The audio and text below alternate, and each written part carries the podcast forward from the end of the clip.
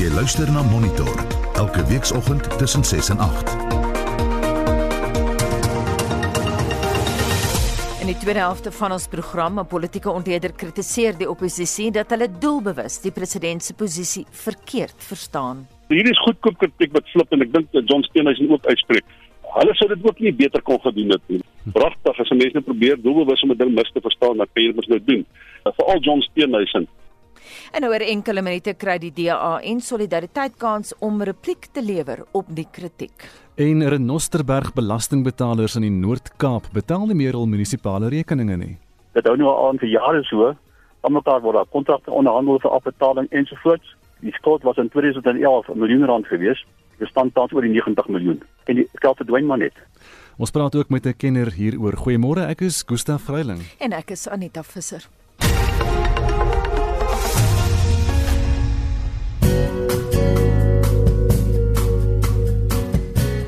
Weer vir vandag die 21ste Julie is uitgereik deur die Suid-Afrikaanse Weerdiens en daar is 'n waarskuwing toestande bevorderlik vir die ontstaan van weggolfveldbrande word verwag in die Karoo Hooglandstreek in die Noord-Kaap. En dan die voorspelling in al die binnelandse provinsies is dit mooi weer vandag. Pretoria word 23, Johannesburg 21 en Vereniging 22. Mbombela word 22, Polokwane 21, en Mahikeng 22, Vryburg ook 22 grade in Bloemfontein 21, Kimberley 23 en Appington word 25 vanmiddag. In die Wes-Kaap, mooi weer, dit word gedeeltelik bewolk in die aand. Die wind is matig oos tot noordoos. Dit word wes vanaf die laatoggend. 21 in Kaapstad en 29 in George met 'n matige noord tot noordwestewind daar. In die Oos-Kaap oggendmis, andersins mooi weer, die wind is lig tot matig noordoos, 26 in Port Elizabeth en 25 in Oos-London. En dan is KwaZulu-Natal ook mooi weer. Die wind by Durban is lig wes tot suidwes. Dit word lig tot matig oos tot noordoos in die namiddag. 23 in Durban, 25 in Richards Bay en 24 in Pietermaritzburg. En as jy weer uitgereik deur die Suid-Afrikaanse Weerdiens van nog inligting kan jy gaan na hulle webwerf weathersa.co.za.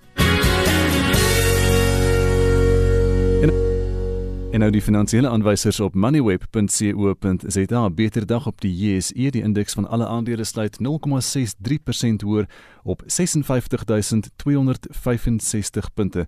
Dis veral aangedryf deur 'n groot stygings van 4,13% in die goudmynindeks en 1,51% in die Hulbron indeks.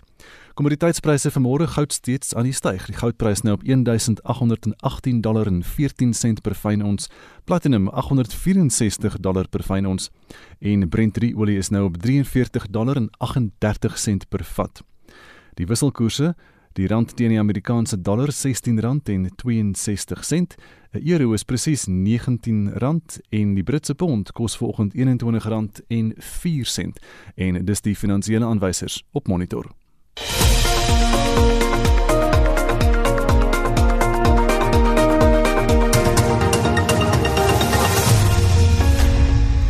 Verlede week op Monitor het die ontleder Dr Piet Kroukamp van Noordwes Universiteit 'n stewige klip in die politieke bos gegooi deur kritiek te lewer op onder andere John Steenhuisen, DA-leier en Flip Buys van Solidariteit. Vir diegene wat daardie onderhoud gemis het, hier is 'n greep daaruit. As ek nou so luister na die oppositiepartye, dan kan ek verstaan ek moet oppositiepartye is in die regering is nie want pragtig as mense nou probeer doelbewus om 'n ding mis te verstaan, dan kan jy dit nou doen. Veral John Steenhuisen Daar is niks anders wat die president kan doen. Hy kan net probeer om die gesondheidsstelsel te beskerm. Dis al wat hy nou kan doen. Die ding is by te beheer. Wetenskaplike raadgewers het van gesê dit help nie vir die land weer in lockdown nie. Al wat ons nou kan doen is ons kan probeer om die infrastruktuur waarmee ons die proses probeer bestuur om daai infrastruktuur te beskerm. In die laaste week of so, vir die eerste keer was daar party daar in New York City waar daar nie noodwendig mense doodgegaan het nie. Dit is nou in Julie maand. Hulle drama het begin in Februarie. So jy kan veronderstel dat ons vir die volgende 5 maande as ons net hulle traject volg, vir die volgende 5 maande, 4, 5 maande, gaan ons met hulle probleme sit.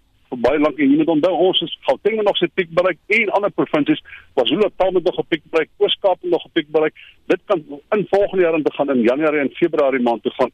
Hierdie ding gaan baie lank met ons wees. Jy moet leer met die virus saam te leef want hy gaan nie weg van vou nie dit is baie moeilik om selektief te besluit ons gaan nou hierdie paar ons of uh, sê maar hierdie omgewing en waar die druk nou hoog is. Hier gaan ons nou die drankverbod hê, vandag gaan ons ook daar hê, vandag gaan ons daar hê. Dit maak eintlik maar sin dat dieselfde regulasie reg oor die hele land toegepas word. Dit is nie moontlik om regulasies toe te pas vir arme mense en vir ryk mense of verskillende regulasies en dan verskillende streke. Die ekonomie is te geïntegreer en ek vermoed dat die regering die enigste manier wat dit kan bestuur is wanneer almal oor dieselfde kam skeer. Ons het nie die kapasiteit, nie die polisie of die weermag om selektief die regulasies te bestuur. Ons kan dit net bestuur as dit uniformig toegepas word. Piet, jy praat nou van almal oor dieselfde kam skeer, maar taksies kan tot volle kapasiteit gelaai word. Hoe dan so? Omdat 63% van alle mense in Suid-Afrika maak gebruik van taksies. Dit help nie vir die regering om te sê hulle kan net 70% laai nie, want daar's in hoë digtheidsgebiede uh, kan jy nie mense by die werk kry deur 70% van jou op 30% van jou vervoerstelsel weg te vat. Ja, as hulle sê maar net die taksies mag net 50% vol wees. Beteken dit 50% van die kapasiteit van jou openbare vervoerstelsel word onmiddellik weggevat. Ons het nie daai kapasiteit nie. Jy kan nie die ekonomie bestuur as die taksies loop teen 50 of 60 of 70%. Nie. Jy moet ongelukkig die taksies volmaak om die ekonomie te kan bestuur. Dis nie asof daar 'n ooraanbod taksies en te min passasiers is nie. Daai ding is baie mooi gekalibreer. Die uh, voorsitter van die Solidariteit Beweging Flip Buys het gereageer. Hy sê die beperkings is 'n desperate reaksie op die regering se onvermoë om vir COVID-19 voor te berei. Is dit heeltemal waar? Ons het mos nou geweet ons het nie die vermoë om, om hierdie ding te bestuur nie. Geen land in die wêreld, die Jok sit nie die vermoë gehad. Die Frankryk het nie die vermoë gehad. Italië het nie die vermoë gehad. Hoekom sou ons nou die vermoë gehad het? Maar hierdie is goedkoop kritiek wat Flip en ek dink John Steenhuisen ook uitspreek hulle sou dit ook nie beter kon gedoen het nie want daar bestaan nie die infrastruktuur daar bestaan nie die kapitaal vermoë nie. Terwyl ons nou weet dit is die situasie en dit sou nooit verander nie en geen regering sou dit kan bestuur omdat ons 25 jaar op bestuur self nie 50 jaar van verwaarlosing gehad het. Jy gaan dit mos nou nie kan regmaak om dit nou heeltyd op te hamer en te herhaal gaan ons nou niks geen verskil maak nie. Ek dink in die Weskaap die DA in die Weskaap is 'n bietjie weggedryf van die DA nasionaal. In die sin dat ek dink Ellen Wingby het 'n baie konstruktiewe manier om te kyk hoe om die virus te bestuur, hoe om die sentrale regering saam te werk, uh, hoe om die beperkte fasiliteite wat lê beter te bestuur, hoe om die uh, menslike hulpbronne wat lê beter te bestuur. Uh, jy moet net kyk na hoe julle minde dit doen, dan sal jy besef dat en, en, en sien jy moet nie openbaar hierdie oppervlakkige kritiek van John Steenhuisen en Flip Buys gee nie. Hy doen dit nie. Nou ons gee vandag die kans aan die DA en Solidariteit om repliek te lewer op Piet Kroukamp se kritiek. Môre flip, ons begin by jou. Uh Piet beskuldig julle van goedkoop en oppervlakkige kritiek. Is dit maklik om te praat, flip? Ehm uh, uh, kyk, wel as as jy kyk na die uitkomste wat die regering dan weet bereik het natuurlik, uh, weet dit ons gesê dat dit is nie 'n maklike ding nie. Ons het die feit is ons het van die hardste en die langste inperkings ter wêreld op hierdie stadium se kyk na Oxford se indeks is omtrent net Afghanistan en Cuba wat langer as ons is. Maar as jy kyk na die uitkomste, die hele idee van hierdie inperking was om die openbare gesondheidstelsel voor te berei en dan om aanvanklik, jy weet, om te kyk of jy die uh weer die stygings van die infeksies kan stop.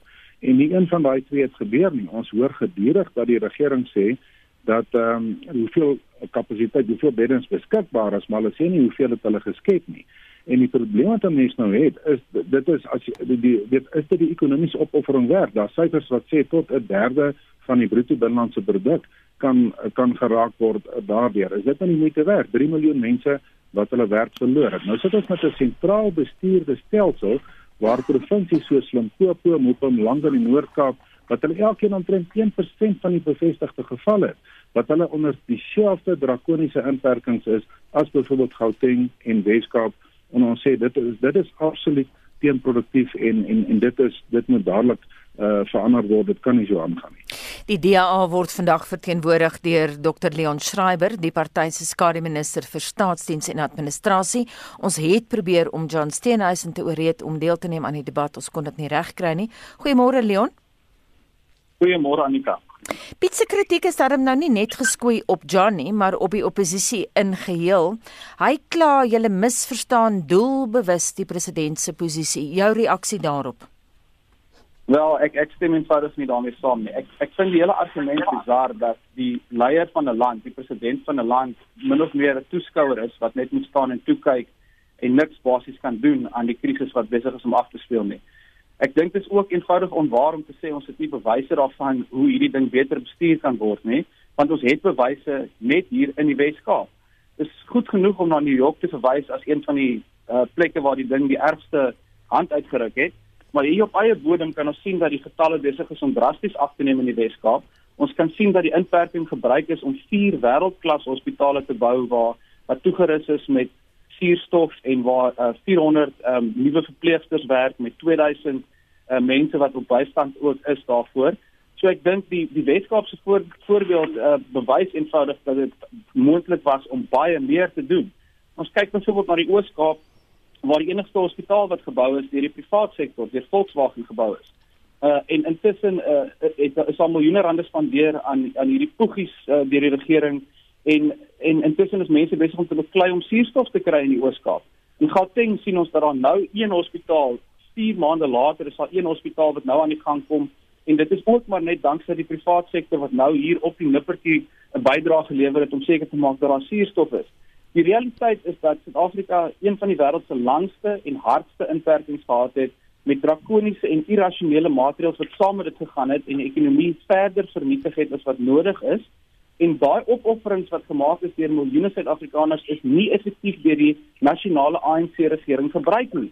Die Weskaap is 'n toonbeeld daarvan dat daar iets gedoen kon word en daar inderdaad nog steeds geleentheid is om die Weskaap se model te gebruik om te help in die res van die land. Nou uh, Piet Kruikamp is ook volgende deel van ons monitor debat. Môre Piet. Dis nou as jy uh, wil repliek lewer op die repliek.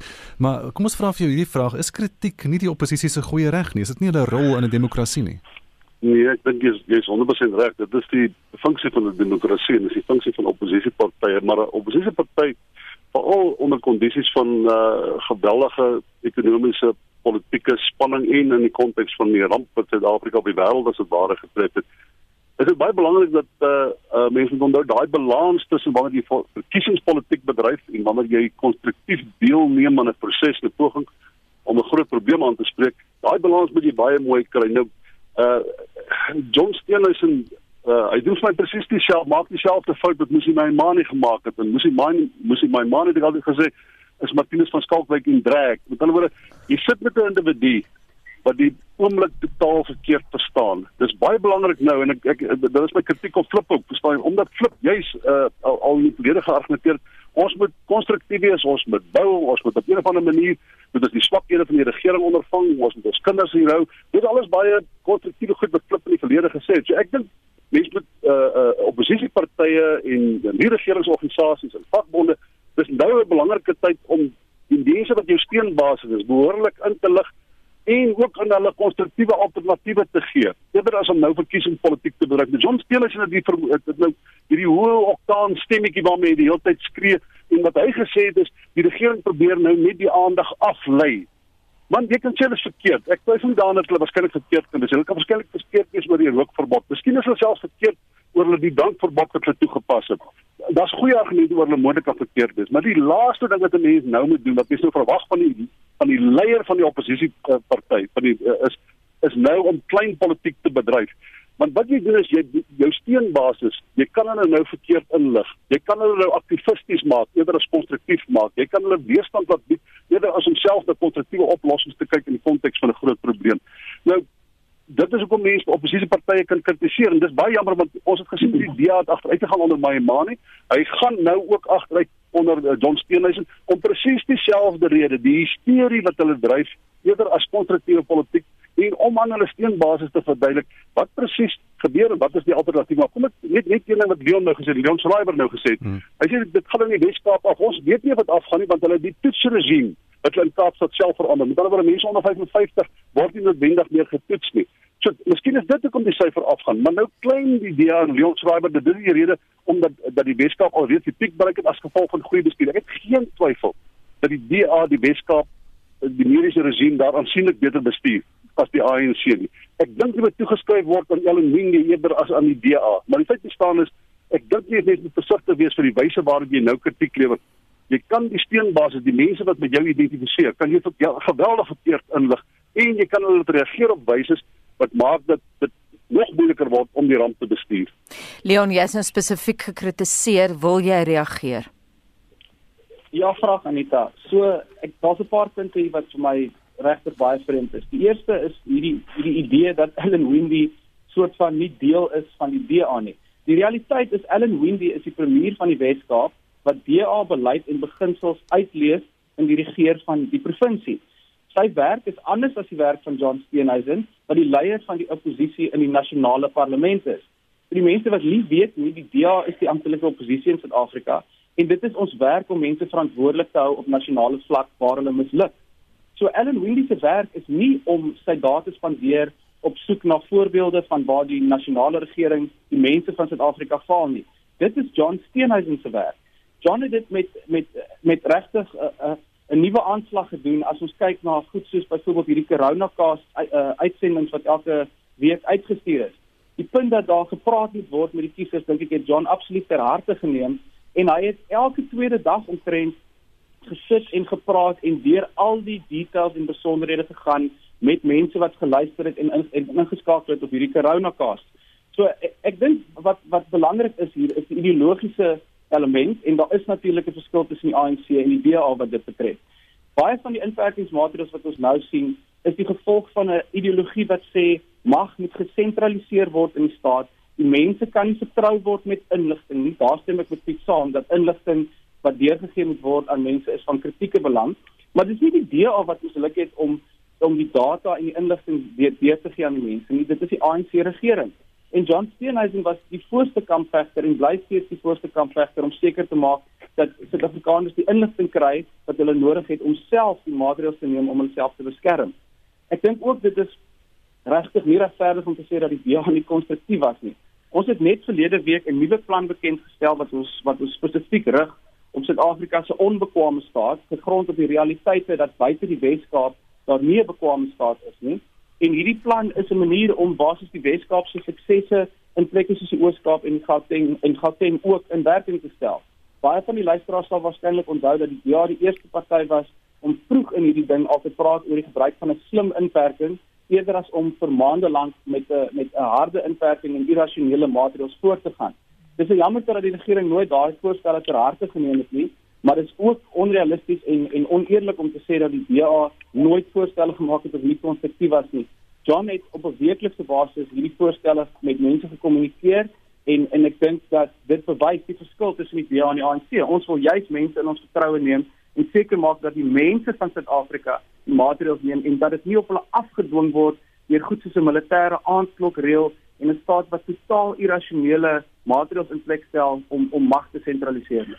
Kom ons hoor gou by Flip, um, Flip, um, wat ja. is julle grootste punte van kritiek teen Ramaphosa se bestuur van die koronapandemie en wat sou julle wil hê moet hulle anders doen?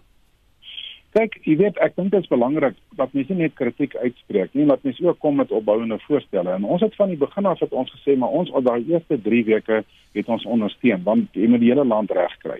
En van daai tyd af het ons ook 'n uh, baie omvattende uh werksgesondheidsprogram hoe om gesond te werk het ons vir die regering beskikbaar gestel en vir die private sektor uh, ten minste 7000 maatskappye het dit in werking gestel. Ons het uh, voorstelle oor hoe skole gesond kan open het ons beskikbaar gestel aan aan alle skole. Ons het meer as 10000 onderwysers daarin opgelei.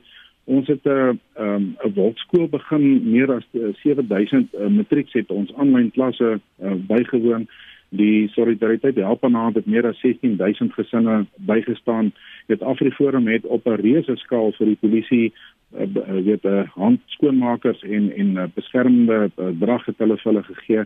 So daar's 'n reuse projek wat ons uh, geloods het van ons kant af. Ons het nie net op die op die kant gesit en en kritiek lewer nie. Maar ook ongelukkig moes ons gekeer het. Ons moes heelwat hofsaake gemaak het.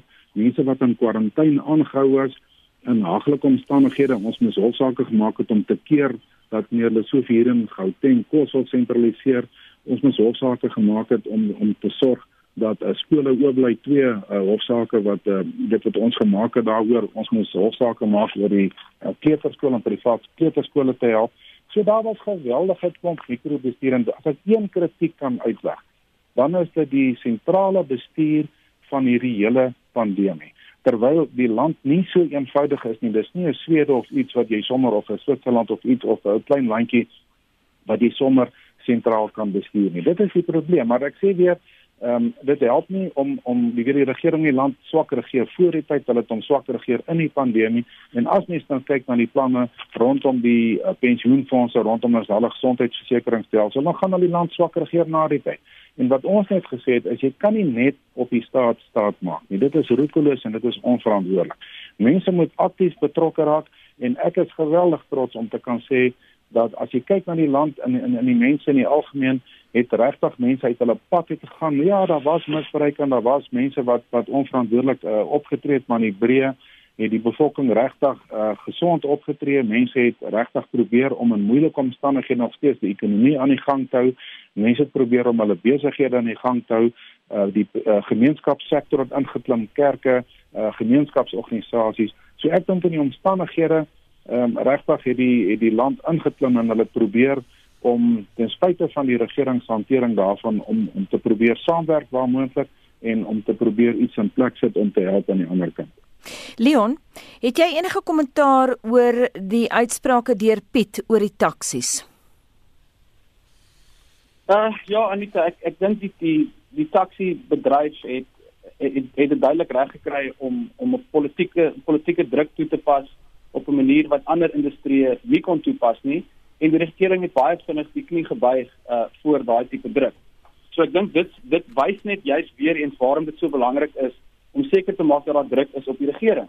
En en en die rol weer eens van die amptelike oppositie om seker te maak dat ons ons deel doen om daai druk toe te pas, maar ook om seker te maak dat besighede en ander sektore in die land ook hulle stem vind en opstaan teen irrasionele um, maatreëls. Ek dink dit is die les wat wat wat ons almal daarso um, uitstaan.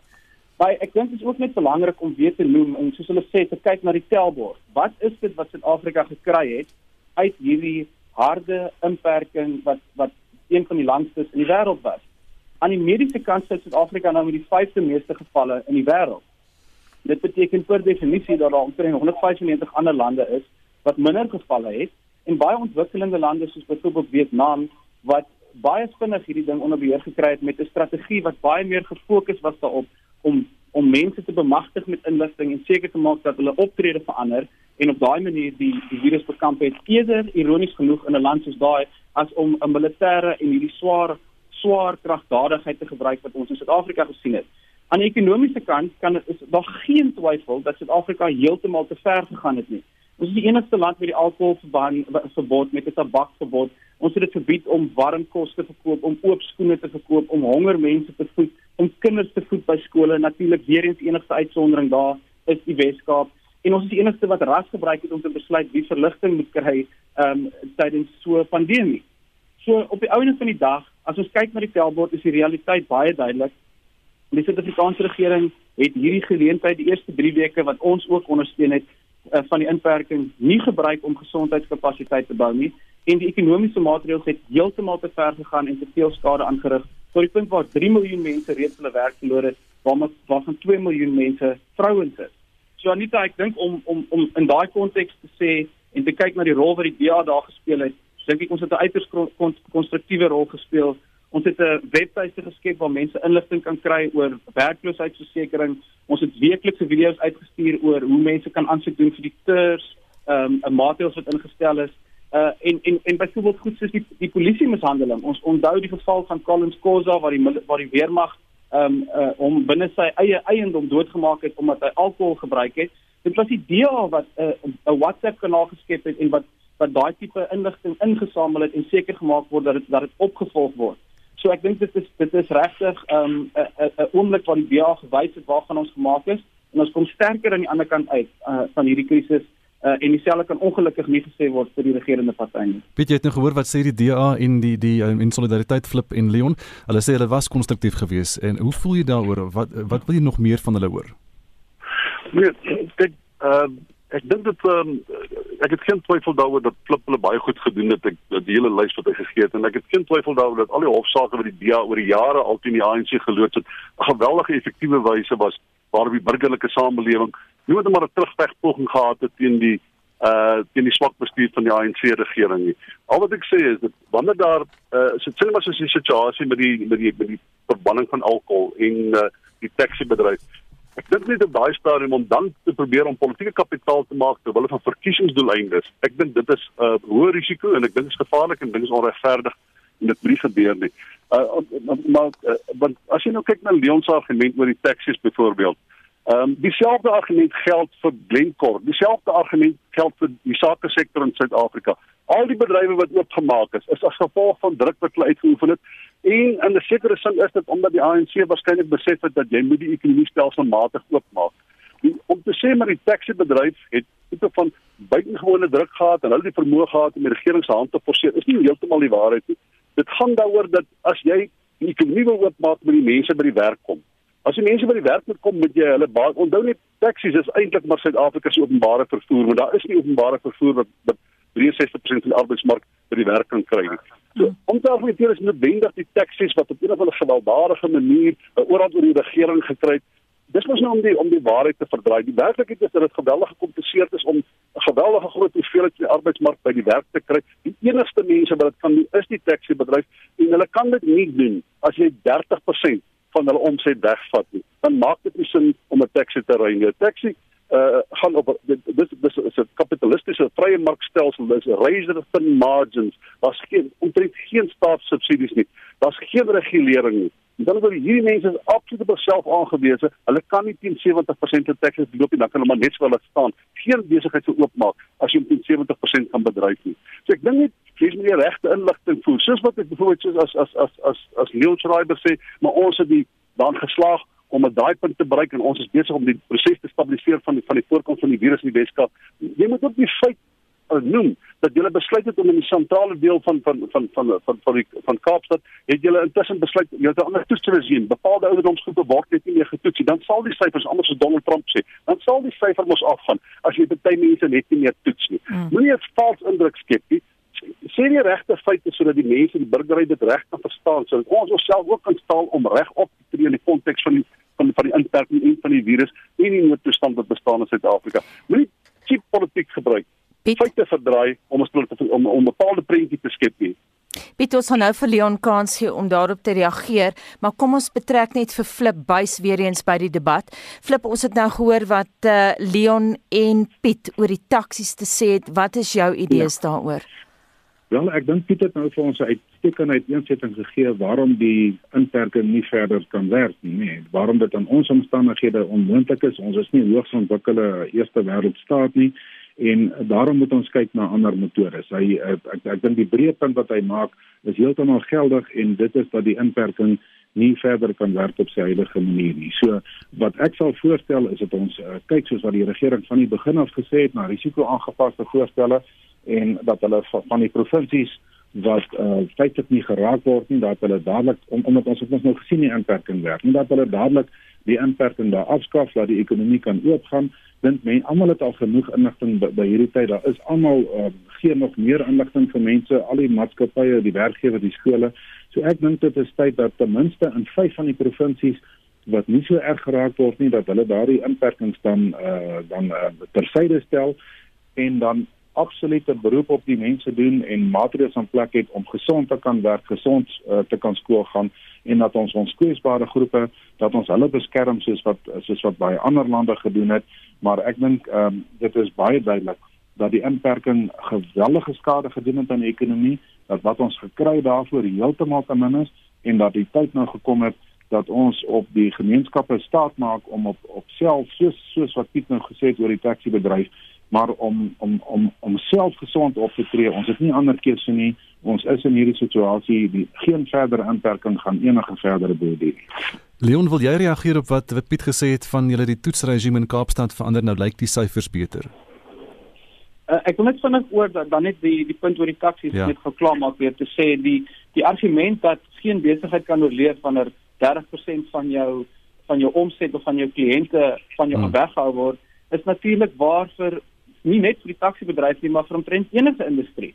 En so die vraag wat dan gevra moet word oor hoekom ons byvoorbeeld dit onmoontlik maak vir restaurante om te oorleef omdat ons alkohol verbied daar, die vraag wat gevra moet word oor oor die toerisme-industrie in die Wes-Kaap dan spesifiek.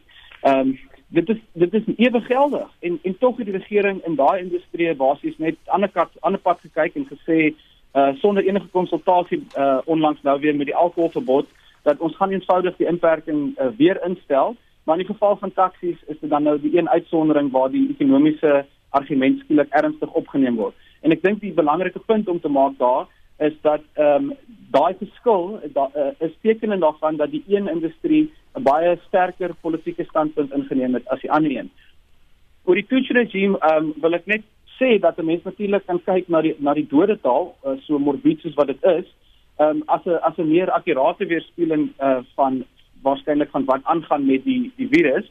En uh ongeag hoeveel toetse jy doen, die Weskaapse dodetal is ook besig om ten minste te plateau en ons kan ons kan sien dat uh dat die die hospitale, die nuwe infrastruktuur wat opgerig is, is nog nie um, eintlik naby kapasiteit nie. So die feit dat dat die nuwe uh, uh hospitale nog steeds baie plekke het, wys natuurlik dat die ergste nog nie waar geword in die Weskaap nie. Ons kan natuurlik nie sê dat daar nie 'n tweede piek sal wees of dat uh, virusgetalle dalk weer sal toeneem nie. Dit bly ongelukkig uh, 'n uh, moontlikheid. Maar ek dink dit is op hierdie stadium kan 'n mens versigtig optimisties wees. Die die die dodetal, die infeksiekoers, die gebruik van uh hospitaalfasiliteite, dui alles daarop dat die die pandemie in die Weskaap besig is om af te plat ehm um, voordat dit in ander provinsies gebeur. En weer eens, as ons teruggaan na die doel van die inperking aan die begin, was dit om seker te maak dat ons ons gesondheidskapasiteit in so 'n mate verhoog dat ons nie oorweldig word deur die die uh, virusgetalle nie. En ehm um, soos hulle sê in Engels so far so good in die Weskaap, dis wat gebeur het. Ongelukkig weer eens kan ons nie dieselfde sê in plekke soos Ooskaap en soos die Ooskaap waar ons sien uh, daar's rotte in die hospitale wat bloed van die grond afdrink van pasiënte wat beklei vir suurstof nie. Ek meen as 'n mens kyk na wat aangaan in die res van die land, dink ek regtig nie daar's 'n argument te maak dat 'n mens um, te hard is op president Ramaphosa of die regering met met kritiek nie. Die realiteit is president Ramaphosa is die leier van hierdie land. Hy's nie 'n toeskouer nie. As hy 'n toeskouer wil wees, kon hy 'n kaartjie gekoop het vir Nieuweland en daarop sit dit op 'n Saterdag en uit die pad gekom dat iemand anders hierdie land beter bestuur. Piet net vinnig om jou klaar te maak. Um, is dit waar moontlik dat die taksiebedryf wel mag het oor Fikile Mbalula meer as wat die toerismebedryf het oor die toerismeminister want ons hoor vanoggend van die safari operateur Bekes Geldenhuys hoe hulle bedryf doodbloei op die oomblik.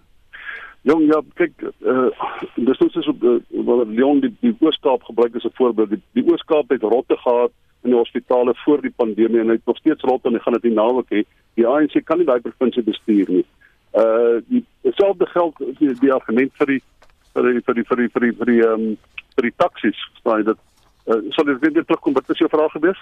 Met ander woorde het, het die taksiebedryf meer mag oor Fikile Malula ja. as wat die toerismebedryf ja, het. Kyk, ja. ek het ek dink ek het nie vrye weekblad hierdie week ja. geskryf dat die taksiebedryf beskou Malula as 'n tipe van 'n politieke papsak. Met ander woorde, dis iemand wat jy kan intimideer en dreig uh, totdat jy jou sin kry.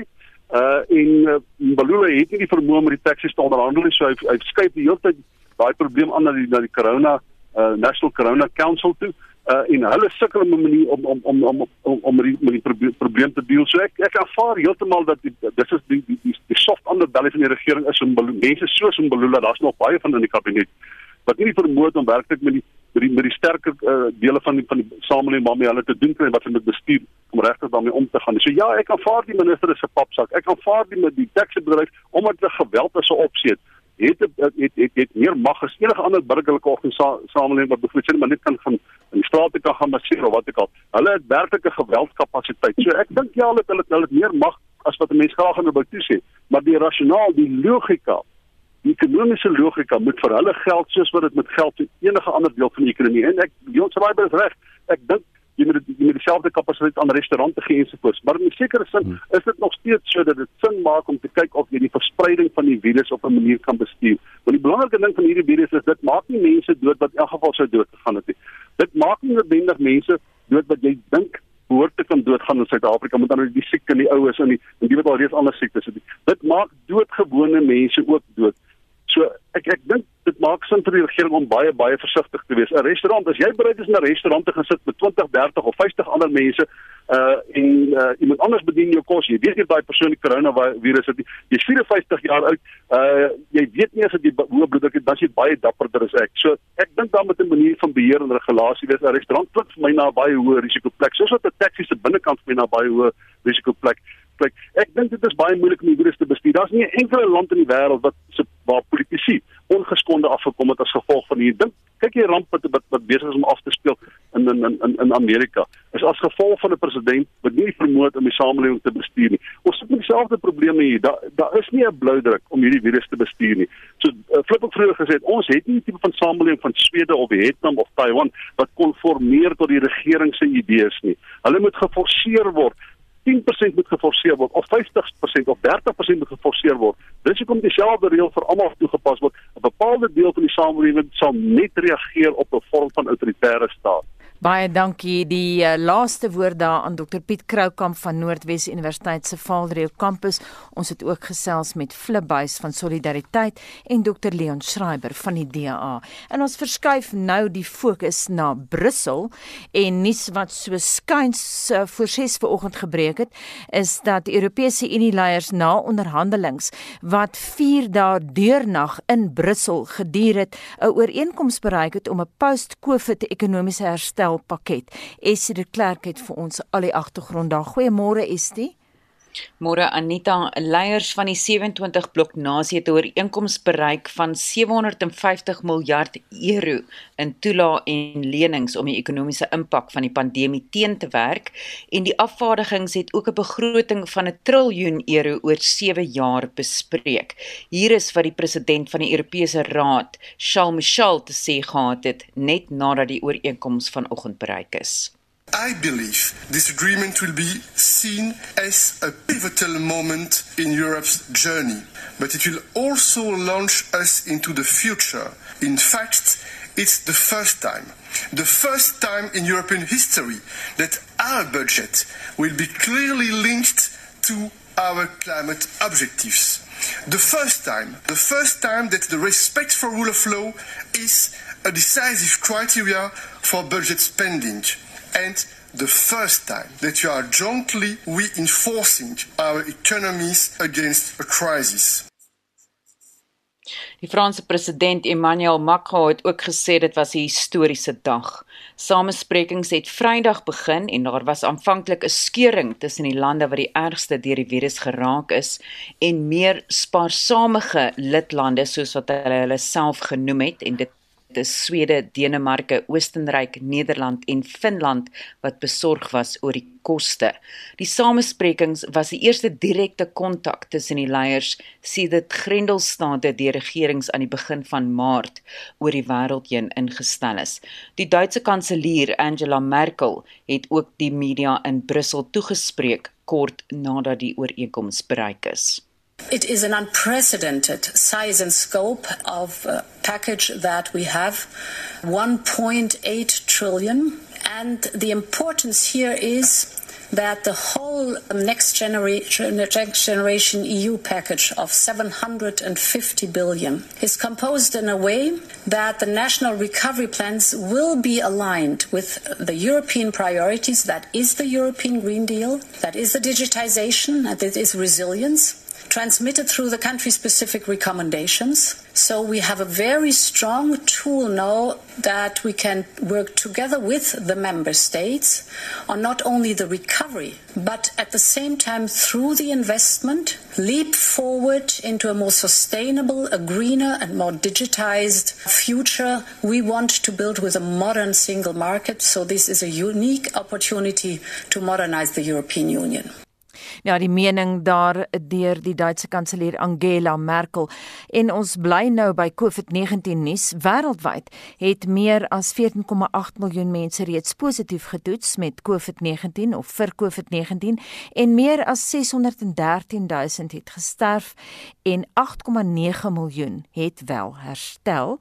En intussen begin lande onderhandel om reuse aantalle enstofdosisse te koop sou dit beskikbaar word. Estie In Rusland is aangekondig dat 30 miljoen dosisse van 'n eksperimentele enstof vervaardig gaan word met die moontlikheid om nog 170 miljoen buite die land te vervaardig.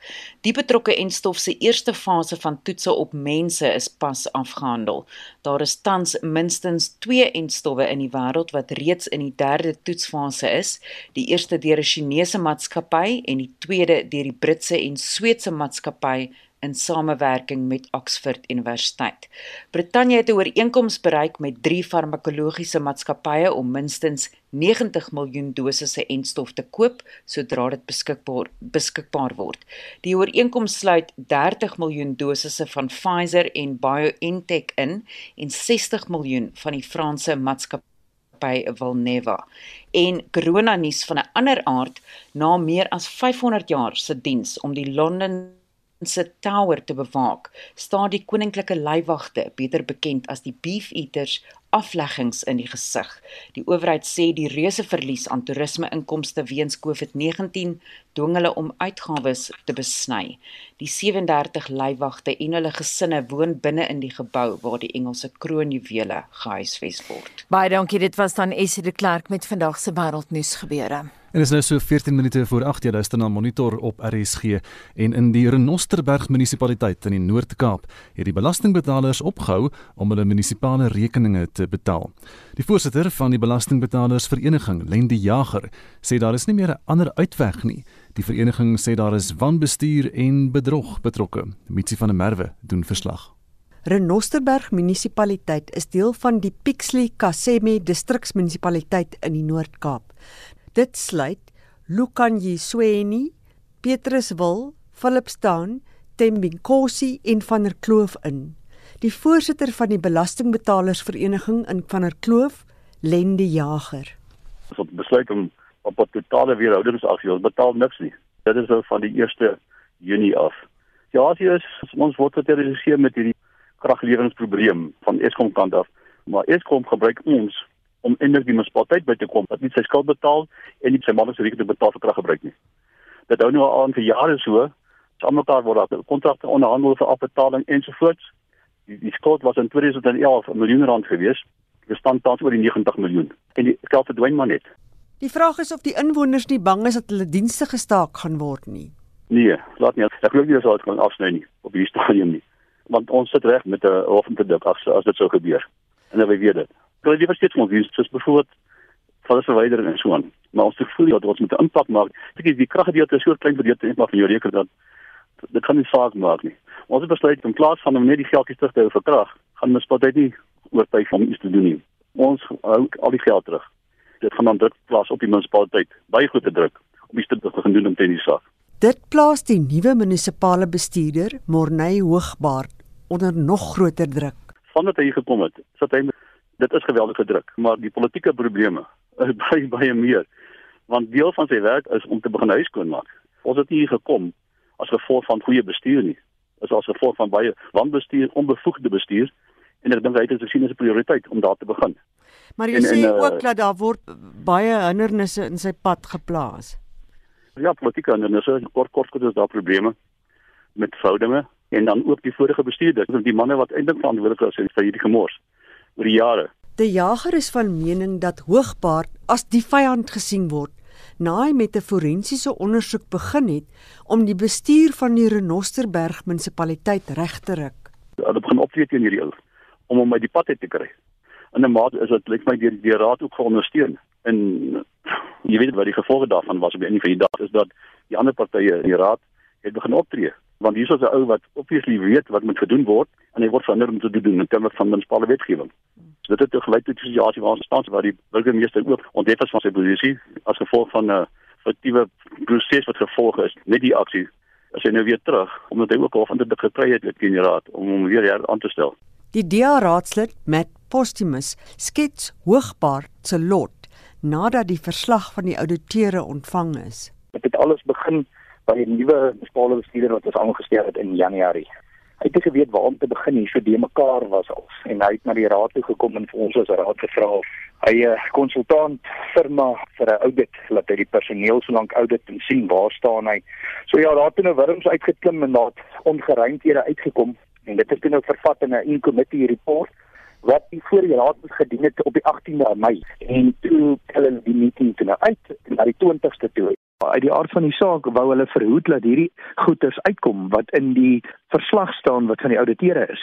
En toe het hulle hom gesuspend voordat hy dit kon deurgee aan die raad. Ons is sewe raadslede, ons het toe nou die vierde hand ingespan en ons het die besluit omgekeer met onmiddellike effek. Dis nie dat hy sy party verlaat het nie. Ons het net saamgekom en besef dat hierdie besluit is deur as 'n raadsbesluit en omrede ons half op die virtual Zoom meeting ingeboelie was en die twee wat dan nou voorgestel het en gesekondeer het, het so vinnig opgetree. Dit is vernuftig sonder 'n klagstaat deurgedruk. Die besluit kon omgedraai word omdat 'n raadslid van die ANC, Niklaas Johannes, besluit het dat hy nie meer saam met die res van sy groep kan saamgaan nie, alhoewel hy nog steeds 'n ANC-lid is. Monitor het uiteindelik ook by die burgemeester, wat ook die spreker van die raad is, Johannes Olifant uitgekom. Dit het op die dag gebeur dat hy weer sy posisie as burgemeester hervat het. Dit is nadat hy 'n dringende hofbevel gekry het toe hy uitgestem is. Olifant vertel sy kant van die storie. Terwyl die ondersoek begin en aan die gang is, het ons meneer Hoogbaard tydelik geskort met salaris. En toe die ondersoek klaar is, het ek meneer Hoogbaard, soos die burgemeester, 'n brief geskryf en hom gesê hy moet die 1 Junie weer begin. En dit het so gebeur daar is groot skuld aan Eskom en dat die mense wat die krag gebruik betaal. Hulle sê in 2011 was dit net 'n bietjie meer as 'n miljoen, 2013 20 miljoen, 2017 52 miljoen en dis nou by die 90 miljoen. Ja, die munisipaliteit skuld vir Eskom, die skuld het begin van 2009 af. Omdat van 2009 af het Eskom die munisipaliteit op 'n verkeerde tarief geplaas Eskom het die munisipaliteit op die rural rate geplaas in plek dat hy die munisipaliteit op die stedelike rate geplaas het wat goedkoper is. Wat moet nou gebeur met die verslag wat beweerde wanbestuur kan bloot lê? Olifant voel dat dit aan die raad voorgelê moet word sodat besluit kan word wat gedoen moet word. Maar wat van die beweerde skuld aan Eskom? En so het die geld opgehoor van Eskom oor dit daar. Ja, kom hulle gevra dat die NND moet opgradeer word en Eskom het vir ons gesê dat ons moet eers die agterstallige skuld betaal voordat daar opgradering kan plaasvind. Wat is NNW meneer Olifant? En Engels sê dit is National Maximum Demand. Voorts gee Johannes Olifant toe dat die pensioene in Desember 2019 laas betaal is. Meneer Marne Hoogbart is nou 6 maande in die munisipaliteit. Daar is nog geen poging aangewend om 'n minimale bedrag te betaal aan die pensioene nie. Er was nog laas keer die Simmerman betaal met die waarnemende munisipale bestuurder meneer Sandile Dik. En so was Eskom ook laas in die Simmerman betaal. Daar is geen betaling aan die pensioene en aan Eskom gedoen in die tyd wat meneer Morne hoogbaar die is vir die 6 maande nie.